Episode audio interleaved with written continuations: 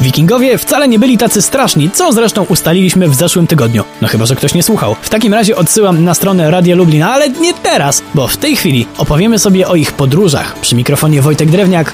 Zapraszam serdecznie.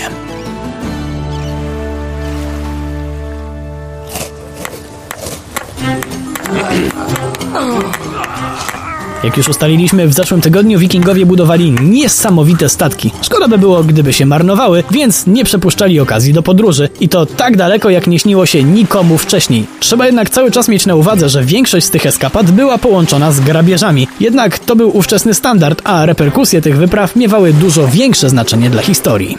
Pierwszy wypad wikingów po łupy do kontynentalnej Europy odbył się około 810 roku i od tamtej pory przez szereg lat budzili postrach, aż w końcu europejscy władcy, którzy nie mogli ich pokonać, postanowili rozwiązać te kwestie inaczej. Zaczęli proponować wikingom, że dadzą im trochę ziemi w swoim państwie w zamian za święty spokój i ochronę.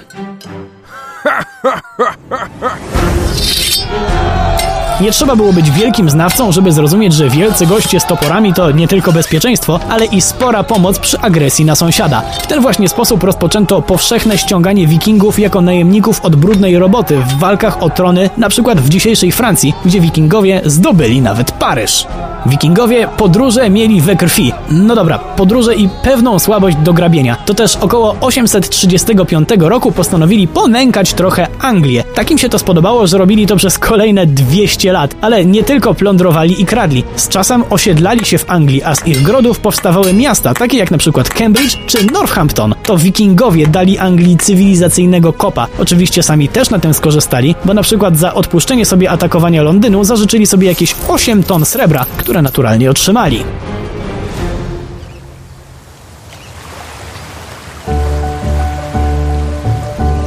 Nasi dzisiejsi bohaterowie dotarli też do Grenlandii, jednak szybko uznali, że warunki tam nie rozpieszczają i można by powiedzieć, ech, wikingowie, Ameryki nie odkryliście. Tyle, że właśnie odkryli. Być może byli wśród nich tacy, którzy płynęli, żeby osiedlić się na Grenlandii, ale mieli to szczęście w nieszczęściu, że ich statek kompletnie zszedł z kursu i znaleźli się w gronie tych wikingów, którzy trochę przypadkiem odkryli nowy kontynent. Wiemy to, bo ich osadę znaleziono na północy Nowej Funlandii. Wikingowie podróżowali też na południe, sprawnie śmigając po Bałtyku i rzekach, które z morza prowadziły w głąb lądu. Niektórzy zapędzali się tak, że dotarli aż do Bagdadu, ale to nie koniec, bo jeden z nich stworzył fundamenty państwa, które istnieje do dziś. Ba, jest światową potęgą, czy nam się to podoba, czy nie.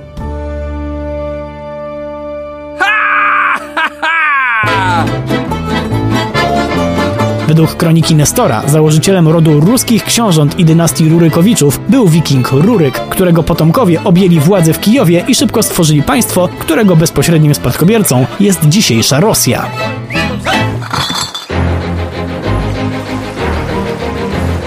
Wikingowie byli niesamowici. Pewnie, że kiedy było trzeba, to byli brutalni i wulgarni, ale poza tym byli też wybitnymi inżynierami, podróżnikami i odkrywcami. Nieśli swoją kulturę w takie miejsca na świecie, o których nie marzyli nawet władcy innych krajów. Warto o nich pamiętać, tym bardziej, że ich wkład w historię świata jest naprawdę znaczący. Ale żeby było jasne, my Polacy też swoje do historii wnieśliśmy. Ale to już temat na inny odcinek w Drewniakach przez historię. Do usłyszenia.